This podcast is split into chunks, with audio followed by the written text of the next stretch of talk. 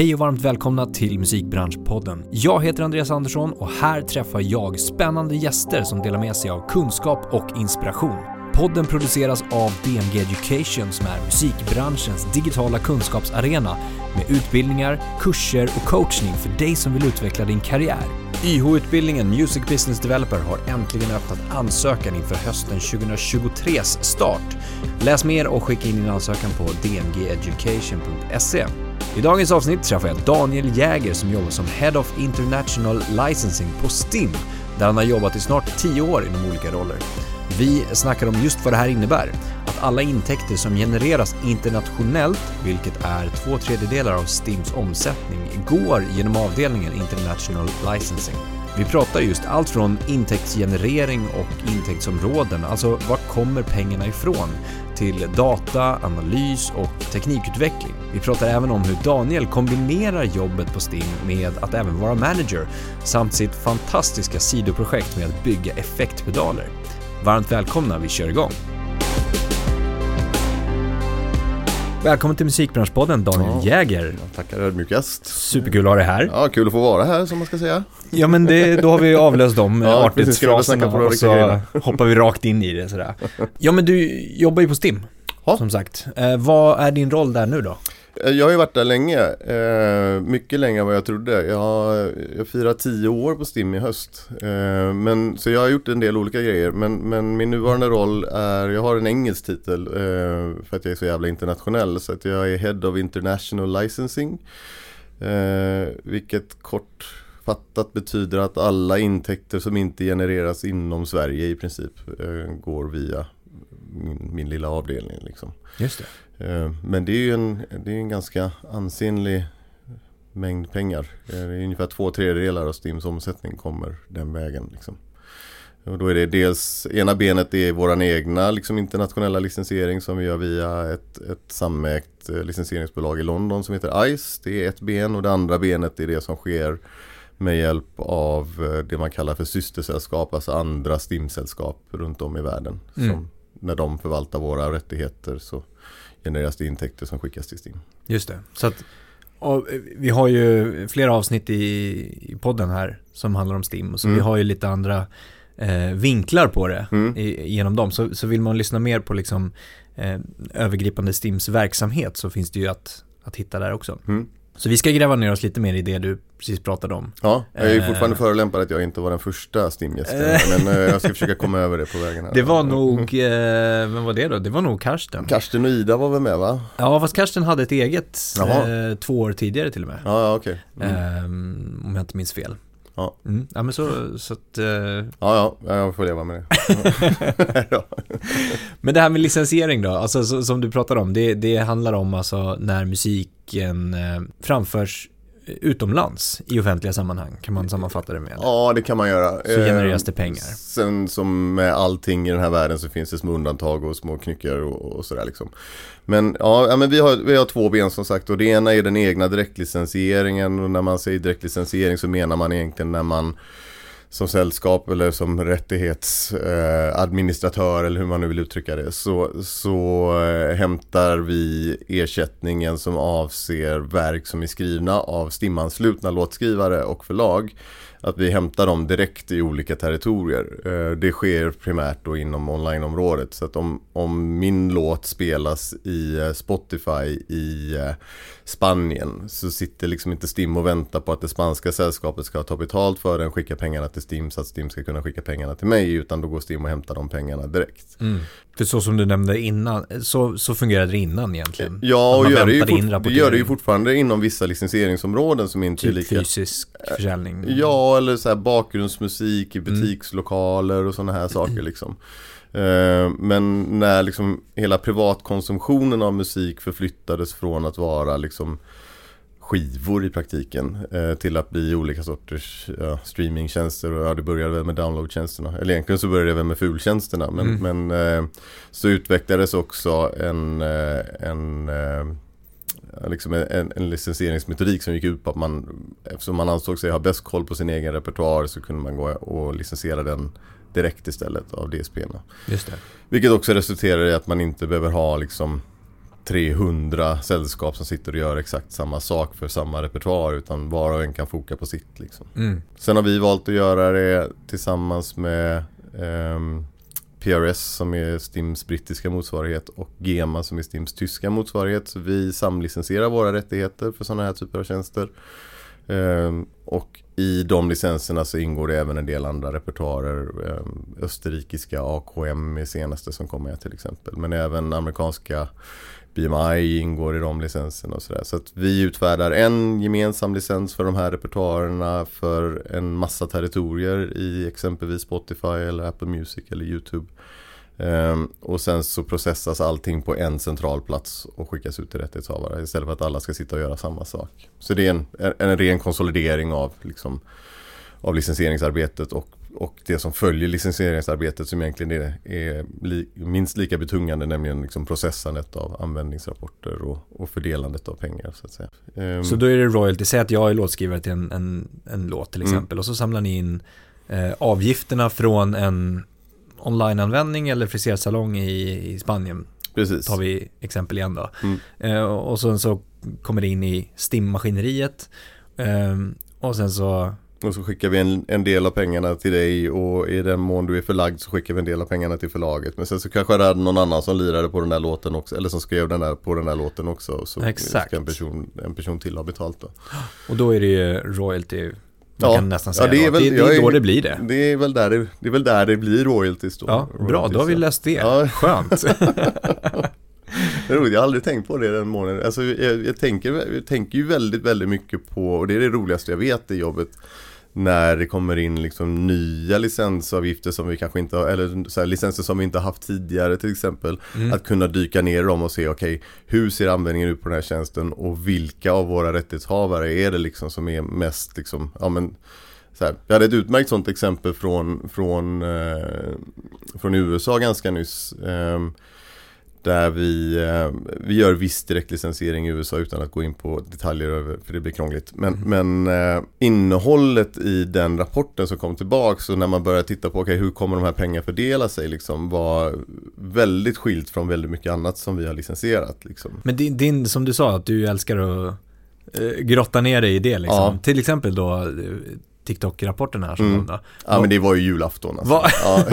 vart, vart började då? Ja, men jag ser framför mig att du, ja, det är så? Ja. Du börjar uppifrån och liksom Ja scannar men, igenom eh, ja, ja men sen så eh, Vi har ju ganska bra verktyg för att skära i data och, och segmentera innehåll och lite sådana här saker så här, Och det kan ju vara geografiskt men det kan ju vara liksom, ja, det kan vara på alla möjliga led liksom Mm. Eh, så att titta på, ja men jag vet, jag såg, det första jag såg och det var ett tag sedan, liksom, det var ganska länge sedan med det här laget, var liksom en konsoliderad rapport för hela TikTok i alla territorier som vi hade utfärdat licensen för. Eh, Men sen så efter ett tag då så blev rapporteringen bättre så kunde man börja gå ner och gräva i enskilda territorier och okej, men vad händer i Tyskland versus hur ser det ut i Sverige och bla bla bla. Liksom. Just det, just det. Ja. Det blir ju, ja, ja. Det är ju kanske det roligaste jag vet. Eh, Vad är du ute efter att, att hitta i en sån här rapport då? Jag, är, jag vill främst att mina egna antaganden ska få på käften. Eh, Ah, okej. Ja men det är det bästa tycker jag när man inser att okej, eh, det här funkar inte alls som någonting annat som jag tänker att jag vet att det funkar. Mm, Eh, mm. Så, så att, ja, det tycker jag är, det, ja, det är de roligaste tillfällena när, man får, när ens egna så här, fördomar nästan ställs på skam. Att man liksom säger, aha, nej nej, okej, det är den här grejen istället. Liksom, eller, Mm. ja. Om vi bara tar det som exempel då, TikTok. Mm. Eh, alltså vad, hur, den som kanske inte riktigt vet, hur genereras pengar därifrån då? Ehm, ja men i likhet med många andra tjänster så, så många tror jag vi tar, eller att, att mastersidan eller publishing-sidan som jag tillhör, alltså verk, kompositionssidan, att, att det är liksom en ersättning per ström. Mm. Eh, jag ska inte göra sken av att jag vet hur mastersidan licensierar sina rättigheter men jag har ett hum åtminstone liksom. Men om man tittar strikt på vad vi håller på med i alla fall så vi tar ju inte betalt per ström. Det är inte så det funkar liksom. Om du, om du kommer till mig imorgon och säger Jäger, jag, eh, jag tänkte starta en streamingtjänst här. Eh, jag skulle vilja ha en licens för, för, era, för era låtar. Så skulle inte jag nödvändigtvis säga att det kostar si och så mycket per ström. Jag kommer säga att det får inte kosta mindre, eller det får inte generera mindre än det där per ström. Men ytterst så kommer jag säga att om jag vill ha eh, en ersättningsnivå som är baserad på en andel av intäkterna eh, men jag vill också ha ett par minimibelopp som till exempel är ett, eh, ja, ett lägsta belopp per användare eller sådär. Mm. Liksom. Och sen så tittar man ju alltid på det som genererar den högsta ersättningen av de här olika variablerna som man, som man har med sig in. Liksom. Och så är det det som är, är intäkten eller licensavgiften. Ja, ja. Det är ju tacksamt att någonstans försöka räkna ut på ja, men vad är en ström värd i den tjänsten versus den tjänsten. Och så, ja men ström är värd tre gånger mer i en annan tjänst så är det lätt att tro att den tjänsten betalar tre gånger så mycket som den första. Sanningen är nog snarare den att den där tjänsten som har ett lägre strömvärde den nog genererar tre gånger så mycket användning som den första. Liksom. Men om vi backar tillbaka lite grann till utländska intäkter. Mm. Ehm, så, och, och, och, lite grann sådär nivåer. Eh, vi pratade lite grann om innan att, att USA, att ersättningsnivåerna har höjts där eller mm. vad man ska säga. Ehm, och hur liksom det här gynnar svenska låtskrivare. Mm. Ja men USA är så lustigt med det. Det är liksom eh, ett land som slår sig för bröstet för att vara världens största fria ekonomi. Men tydligen då så, så måste så måste staten gå in och kontrollera vad musiken är värd. Ehm, och det kan man ju tycka vad man vill om. Men, men eh, så funkar det. Så att det finns en copyright royalty board i staterna som i praktiken bestämmer att eh, ja, men en streamingtjänst ska ersätta eh, liksom låtskrivare och förlag eh, med de här beloppen. Eh, och, och, och, och, det är det det ska ah. vara. Liksom. okay. Man blandar ihop åren under alla de här, den här konstiga tiden som har varit. Men jag tror att det var vid Copyright Royalty Boards beslut förra året som man, eh, eller rätt sagt under pandemin någon gång så, så kom det ett beslut som sa ja men vi ska jacka upp eh, den här procentuella andelen av intäkterna som ska ersätta låtskrivare från de från typ 10,5 till 15,4 15,4 och sånt där och att det skulle ske liksom, Ja precis, och ja, att det skulle ja. ske under en period av x antal år, jag kommer inte ihåg exakt hur många det var. Eh, och sen så överklagades det av alla DSPer, hör och häpna. eh, Apple var väl undantaget. Eh, men de andra tror jag sa, nej men eh, vi är inte överens om modellen. Eh, ja, skälen var lite olika, det var inte nödvändigtvis den procentuella siffran man i alla fall officiellt sett motsade sig. Men, men eh, så då kom, var det en överklagansprocess som drog ut på tiden och tog ett år ungefär och då eh, efter, när, den tid, när den överklagan var klar då var det dags för nästa sån här copyright royalty board omgång att dra igång liksom. Mm. Skitsamma. Mm. när allting hade dansat klart i alla fall så, så, kom man, så hade man beslutat om en, en höjning av den procentuella andelen av ersättningen som, som streamingtjänsterna skulle ersätta för kompositionerna då. Och den gick från 10, jag tror att den gick från 10,5 till 15 4. Mm. Lite genant att jag inte minns siffran nu. Men ja. Eh, så det är ju bra. Det är i praktiken snudd på en 50% höjning av ersättningen. Men ja. så är det då i USA så det finns ju massa andra Det finns massa andra mekanismer i den där prissättningen som kanske inte nödvändigtvis är superhärliga. Eh, till exempel i hur ersättningen ser ut för ja, men till exempel så familjekonton eller hur det ser ut om man, om man bundlar streamingtjänster med en annan tjänst. Du köper ett tv-abonnemang och så ingår det en streamingtjänst. Av mm. vilken, vilken ersättningsnivå är det som gäller då? Liksom. Men då svenska låtskrivare kan inte förvänta sig den här liksom direkta höjningen in på kontot eller? Ja men det ska ju ske över en, det, det sker över tid så mm. att eh, det kommer ju definitivt gagna alla låtskrivare vars verk framförs i USA i princip faller ju under den där prissättningen. Alltså mm. prissättningen appliceras på all konsumtion som sker i streamingtjänster i USA. Um, så att jo då, det, det, kan man förvänta sig. Vad tror du, du som ändå är, gillar teknik och, och datagenerering, mm. det här med direktutbetalningar. Alltså mm. jag tänker mig på tekniken att swisha pengar finns. Ja, just det. Um, och då kanske en låtskrivare ställer sig frågan varför kan inte jag få pengar när min låt framförs i den där amerikanska radiostationen på en gång? Mm, just det. Uh, ja, men, uh, jag tror att det finns massa skäl till varför det inte är så. Det finns massa skäl till varför det kommer vara svårt att göra det framöver också. Det, här, kompositionen är ju klurig i det att vi levererar ju ingen fil Vi levererar liksom ingenting som låter, ingenting tangible går från STIM till STIMs licenstagare. Eh, på skivbolagssidan är ju det, alltså, det är jättelätt för ett för en tjänst att veta vem som ska ha ersättning för den här låten som spelades precis. Och när jag säger mm. låten så är det den här inspelningen som spelades precis. Ja men det är rimligtvis de som skickade inspelningen till oss som också ska ha ersättningen för det. Eh, men den inspelningen kan ju innehålla då en komposition med Ja, i dagsläget kan det ju vara hur många som helst i princip. Men säg att det är liksom sex olika intressenter i den där kompositionen. För att det är liksom, ja men det är x antal olika låtskrivare och de sitter på varsitt förlag eller du vet. Eh, och då är det olika representanter som, som, eh, som representerar den delen i kompositionen. Mm. Så det blir ju supersnabbt ett, ett jäkla liksom virvar av eh, av eh, rättighetshavare som ska hållas ordning på. Och sen så är det ju inte statiskt heller. Eh, vi kallar dem för verksbilder, alltså som egentligen är då en, en förteckning över alla rättighetshavare på, en, på ett verk och deras andelar i verket och så här. Men de här kan ju skifta lite grann också med tiden om man byter förlag till exempel. Eller om mm. någon reggade verket fel från början. Så det visar sig att ja, men Roine skulle ju egentligen ha 10% men det står att han har 8 bara. Och så här. Ja, det är liksom det är inte helt statiskt. Liksom. Nej, nej.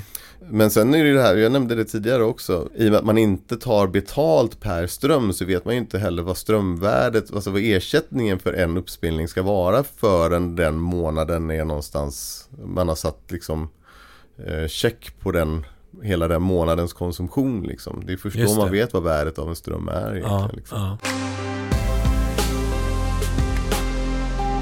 Jag tänker om vi, om vi, om vi går in på det här med, med att analysera. Mm. Det gillar du också va? Mm, yeah. vad, eh, liksom att analysera allt det här, vad blir liksom syftet med det? Är det att förbättra eller är det att belysa eller bara veta hur? Det beror på vilken avdelning på STIM du frågar. Frågar man kommunikation mm. så, så är det så här, ja, men, grejer som folk vill skriva om. Ja. ja så det är en sak liksom. Att det, det finns ju någon slags PR-arbete som, som kan komma ut av en analys. Eh, jag vet att en av de här grejerna som är någon slags för kommunikation, någon slags kioskvältare varje år, liksom någon, någon analys på vilka låtar, vilka jullåtar spelas mest till exempel. Så här. Rolig. Mm, ja, precis. Lite så här, ja men eh, lättviktargrej men, men ja. rolig. Men om man ska kolla till liksom det som verkligen genererar värde internt på STIM och för STIMs anslutna så är det väldigt mycket kvalitetssäkringsarbete och sådana här saker. Och i, I min värld så betyder det då liksom att men vi har till exempel ganska feta verktyg för att detektera avvikelser som kanske kan påvisa, som kanske kan vara en indikation på att någonting är knas eller att det är en indikation på att här är någon som är på väg någonstans. Den här personen måste vi se till så att han eller hon är liksom up to speed med hur vi funkar och ja, sådana saker. Alltså på väg någonstans? Ja men att... om man säger att någon helt plötsligt har intäkter som börjar dra iväg liksom. Ah, okay. eh, så, ja, ah, ah. så kan det finnas en, en, ganska stort värde i att STIM har en relation till den personen. Inte minst för att hon eller han ska veta liksom hur saker funkar och sådär liksom. Alltså med större pengar kommer ett större ansvar och lite sådana här saker liksom. Mm. Ja, saker får lite större betydelse liksom. Eh, men en av de fetare grejerna vi har gjort på den senaste tiden tycker jag är vi har liksom utvecklat ett, ett prediktionsverktyg som någonstans kan titta på det ingående datat i en verkbild. Alltså vilka personer har skrivit och hur stora andelar och sådär har de. Och utifrån det så kan man liksom komma fram till en förväntad intäkt på det där verket över tid. Liksom. Mm. Eh, och, och, det gör vi, det kan vi göra för, för alla verk som reggas egentligen. Liksom. Eh, och, och, det har varit häpnadsväckande eh, bra på att träffa rätt. Liksom. Eh, och, och då tänker man, men vad fan, vad, vad är nyttan med det då? Ja, men den stora nyttan med det är att man ser att när intäkten väl kommer och den avviker från vad den här prediktionen säger så finns det en anledning att misstänka att någonting har blivit knas. Liksom. Mm. Man, man, kan ha sagt, man kan ha liksom satt, ja men ponera att det är alldeles för lite pengar mot vad vi hade tänkt oss att det skulle vara. Vad det här verktyget eh, liksom säger att det rimligtvis borde vara så finns det anledning att misstänka att man kanske har matchat verket fel. Det vill säga att man har liksom Så att det finns två låtar som heter I Love You och så har man liksom satt de här miljarder strömmarna på fel I Love You-verk. Liksom, Mm, på mm, den nivån. mm, liksom. mm. Så någonstans hjälper det oss att pricka rätt och hitta liksom, för det är, det är ju så jäkla många verk i en sån här rapport liksom. Ja. Så du kan inte ha en person som sitter och ögnar igenom det även om jag hade älskat att ha det gigget. Men, men eh, det är svårt att motivera kostnaden för det tror jag. Eh, Men då finns det, då har vi liksom ganska, ganska välutvecklade verktyg för att hitta den här typen av avvikelser. Sen kommer ju fel hända, det är klart det gör. Men, men, men det hjälper oss att, att eh, se till så att det blir rätt från början. Liksom. Okej, men den, den ingående datan då, då måste det finnas något. Säg att jag är helt ny låtskrivare, registrerad på Steam, Mm. eh, ett verk. Ja, då blir det svårt. Den då, går inte att liksom Nej. predikta någonting på. Men säg att du och jag skriver ett verk tillsammans och du Mm. har släppt 100 låtar. Och de brukar gå okej. Och de brukar gå hit och hit. Ja. Och jag har släppt två, de Mm. går käpprätt. Mm. Eh, så får jag ändå rida på din, på något sätt liksom, Exakt. prediction att det här kan nog funka. Exakt så. Men jag drar ner dig lite kanske. Precis, du kommer dra mig lite under kurvan där. Ja, men eh, precis. jag får leva med det. Nej Ja. men eh, exakt så funkar det. Eh, och sen är ju det här sjukt mycket mer avancerat än vad, än vad jag kan sitta och förklara här. Mm. Och, eller ens har intellektuell kapacitet att, att göra. Men, men, eh, men eh, vi gör också, vi uppdaterar de här prediktionerna eh, liksom, över tid. Sådär, liksom. Mm. Och när man kommer in på, an, på ja, men, typ runt tredje avräkningen någonstans så är det läskigt exakt. Alltså. Ja, Då, det är så, då alltså. fattar maskinerna att bara, ja, men det kommer bli ungefär så här mycket stålar. Teknikutveckling Mm. och sådär. Jag tänker på till exempel AI-skapad musik kontra, eller kontra med tanke på upphovsrätt kring det här. Mm. Eh, vilken slags musik som eventuellt kommer att påverkas Mm. eller vilken musik som kommer att eh, drabbas, kanske Mm. man ska kalla det. Mm. Eh, snarare också, beroende på. Ehm, vad har du för reflektioner kring det? Ja, eh, det, det är lika delar superfascinerande som det också kan vara lite skrämmande. Mm. Eh, och det gäller ju AI generellt, inte bara på musikområdet. Eh, jag såg någon tjomme som hade, som hade kodat en, en Tube Screamer VST-plugin i ChatGPT för ett tag sedan. Det är helt sjukt. Den är ju eh, otroligt fascinerande. Den lät för jävligt så det var ju skönt i alla fall. Men, Ja, men, är, ja. Än så länge. Än så länge, exakt. Det ger ett år så är det väl, är det väl bättre. Men ja, eh, ja, äh, men, vi- ser ju det redan. Mm. det känns som att fram till för två, tre år sedan så var liksom alla, allt snack om AI-genererad musik så Ja, det fanns någon, någon slags AI-komponent i det men det var lite grann att jämföra med hur folk använde syntar i början. Och, Mm. och i början så var alla livrädda för syntarna för att det kommer döda alla pianon och, och sådär liksom.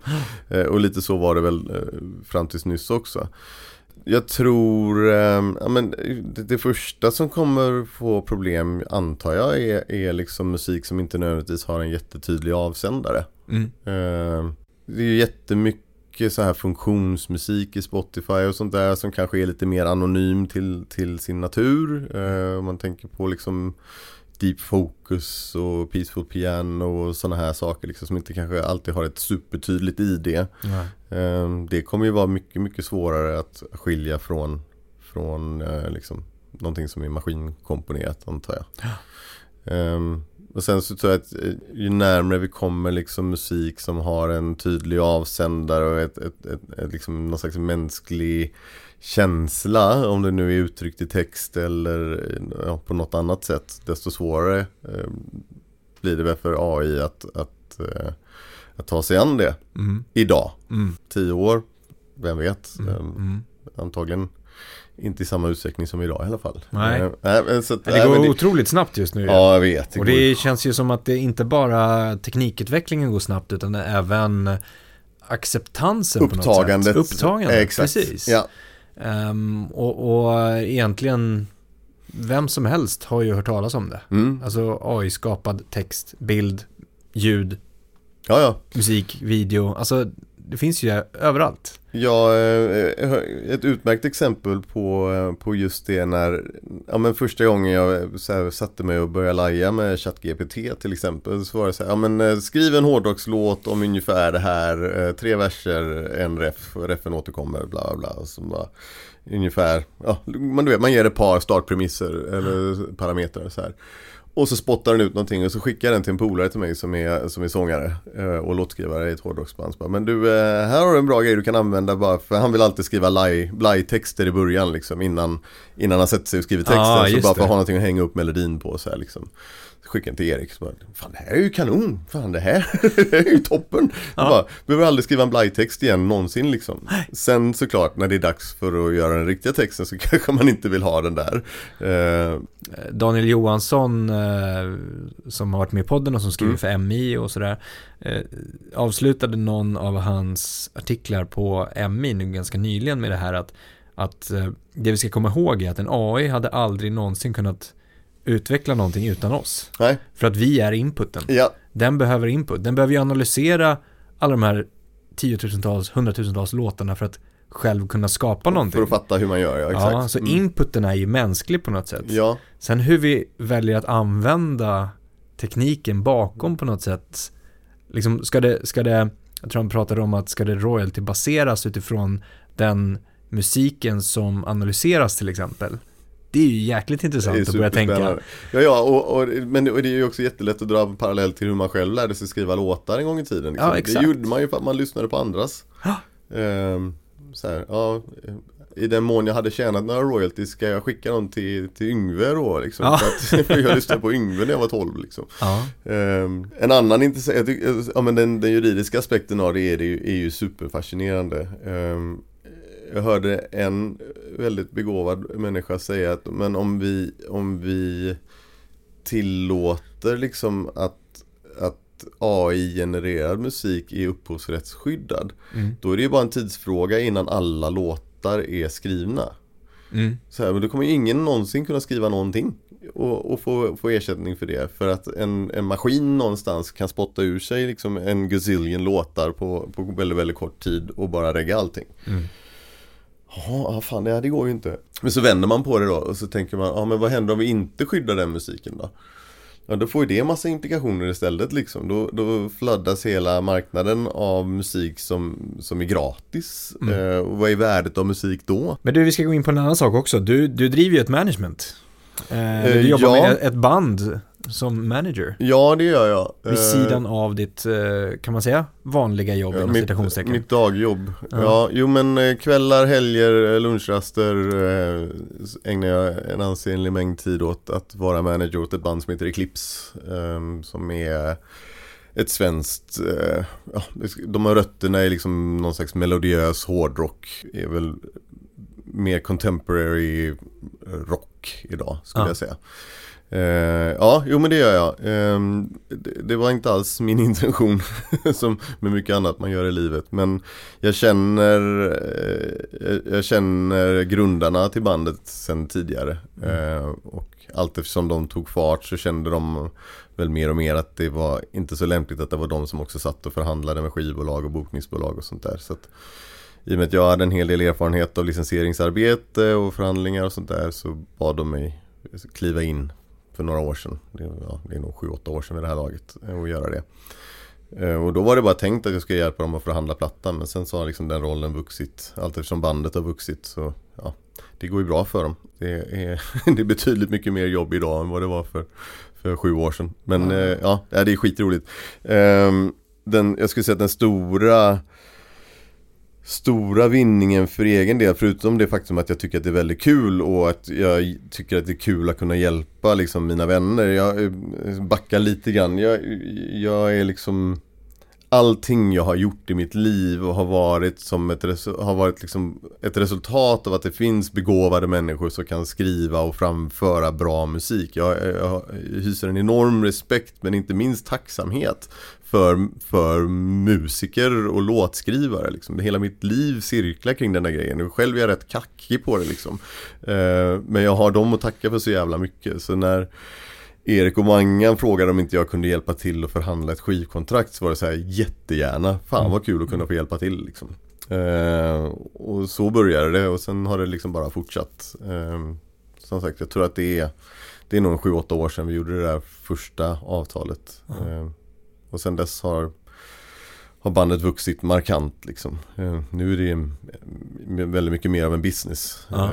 Det är inte bara fyra grabbar i ett garage och ett sexpack längre liksom. Och inte nog med det då, så har du ju en till eh, du startade en liten sidobusiness. Ja, eh, ja det var ju ren Ditt pandemi. teknikintresse. Ja, eh, jag började bygga diskspiraler under pandemin. Eh, Var det för att ha någonting liksom att Ja. eh, fysiskt ägna? Ja, alltså eh, jag spenderar så stor del av min tid att, att snacka om saker som man inte kan ta i. Ja, Eh, siffror, data. Och verk. Verk, ja, Eh, exakt. Så här liksom. Ehm, men, eh, nej, men det var faktiskt en, en, det är en kollega till mig på Stim eh, som jobbar på Stims IT, Staffan och jag. Vi, eh, mitt under pandemin så var det så här, men vad fan vi måste hitta på någonting, vad kan man göra? Vi kan inte gå ut och se några band. Så här, liksom. Ja, men, eh, jag minns inte om det var han eller jag som hittade det men någon tjomme i Kalmar som sålde färdiga kit där man i princip bara byggde ihop sin distpedal. Man skulle löda lite och dra lite kablar, lite vajrar och skruva och hålla på liksom.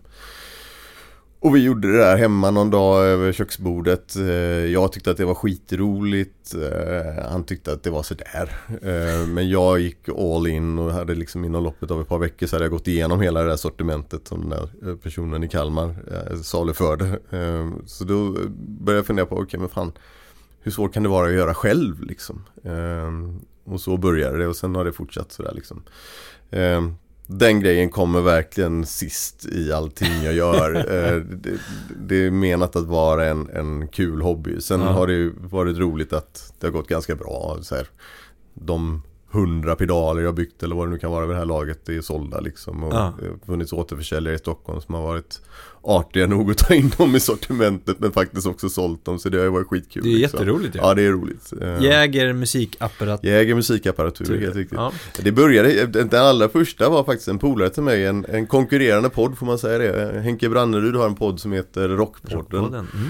Eh, och Henke och jag bodde grannar eh, och eh, Sibylla-kiosken på gatan fick plötsligt fullständiga rättigheter. Så när vi satt där och käkade korven då så, så blev samtalet helt plötsligt mer intensivt än vad det hade varit korven veckan innan liksom. Eh, så sa Henke, fan ska vi inte göra en Rockpodden distpedal? Jag det är klart som fan vi ska göra en Rockpodden distpedal.